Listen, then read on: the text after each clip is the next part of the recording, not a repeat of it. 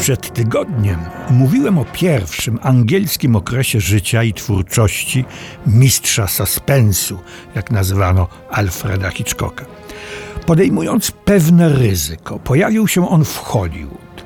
Wkrótce okazało się, że nie było ono wielkie. Hitchcock polubił największą fabrykę snów, a ona jego polubiła. I była to miłość od pierwszego wejrzenia.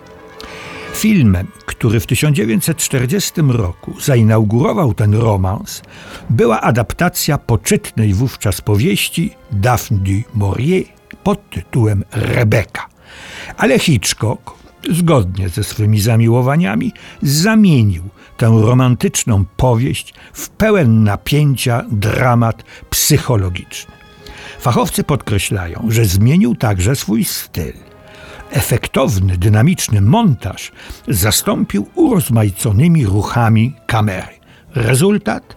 Hitchcockowska Rebeka uznana została za najlepszy film roku i oczywiście otrzymała Oscara, a sam mistrz napięcia nominowany był do Oscara jako najlepszy reżyser. Przy tej okazji może warto wspomnieć, o czym przed tygodniem zupełnie zapomniałem, że Hitchcock zrealizował w 1929 roku pierwszy brytyjski film dźwiękowy. Filmem tym był znakomity dreszczowiec Szantaż. Mistrz uwielbiał eksperymentować, nie tylko opowiadając w sposób niezwykły, dech w piersiach zapierający sposób swe fascynujące, tajemnicze historie, ale także stosując coraz to nowe środki formalne. Dotyczyło to wspomnianych już ruchów kamery, dodam także ustawień tejże kamery, również operowania światłem i cieniem, tworzeniem odmiennego sposobu gry itd. Tak itd. Tak Wprowadzenie dźwięku otworzyło przed nim zupełnie nowe możliwości, z których oczywiście natychmiast skorzystał. Był w tej dziedzinie pionierem, innowatorem. Jeśli przypomnimy sobie najwspanialsze sceny z jego filmów, przekonamy się, że dźwięk, a więc słowo, muzyka i tak zwane efekty akustyczne czy naturalne, pełniły niebagatelną, a często decydującą rolę. Chociaż tak między nami. Hitchcock dałby sobie radę, nawet gdyby musiał zrobić film bez dźwięku, bez światła i bez aktorów. A, poważnie. Zamiłowanie Hitchcocka do eksperymentowania znalazło najefektowniejszy wyraz w filmie Sznur z 1948 roku.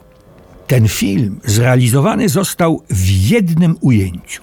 Cięcia, idealnie zresztą zamaskowane, następowały tylko wtedy, kiedy trzeba było załadować kamerę nową rolką negatywowej taśmy choć akurat w tym przypadku mistrz napięcia nieco przeholował.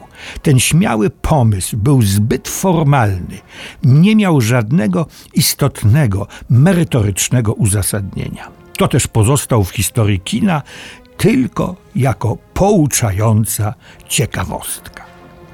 Inne jego pomysły i eksperymenty były zaskakujące, ale spełniały swoją rolę. Na przykład w znakomitym, przeze mnie najwyżej cenionym filmie Psychoza. Sławną scenę morderstwa pod prysznicem. Ach, ten zniewalający dźwięk prysznicowej wody.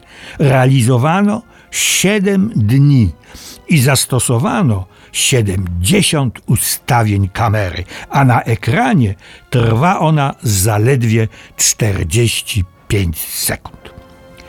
Łódź ratunkowa Alfreda Hitchcocka z 1944 roku, film konfrontujący w czasie II wojny światowej postawy aliantów i hitlerowca, zrealizowany został w całości na tytułowej łodzi ratunkowej. Okazało się jednak, że nie był to fortunny pomysł. Hitchcock nie był, co jest banalno oczywistym stwierdzeniem, bezbłędnym automatem świetnie zaprogramowanym robotem czy idealnym tworem komputerowym, więc zdarzały mu się również inne, drobniejsze wpadki. Jakie? Proszę uprzejmie. W świetnym skądinąd filmie Północ, Północny Zachód Cary Grant, podnosząc zdjęcie ze stolika, mówi Zobacz no, nasz przyjaciel, który dziś po południu zbiera zebranie. A miał powiedzieć nie zbiera, ale otwiera zebranie. W filmie Intryga rodzinna, notabene ostatnim filmie Hitchcocka z 1976 roku, główny bohater w dwóch kolejnych ujęciach dwukrotnie otwiera tę samą butelkę ketchupu.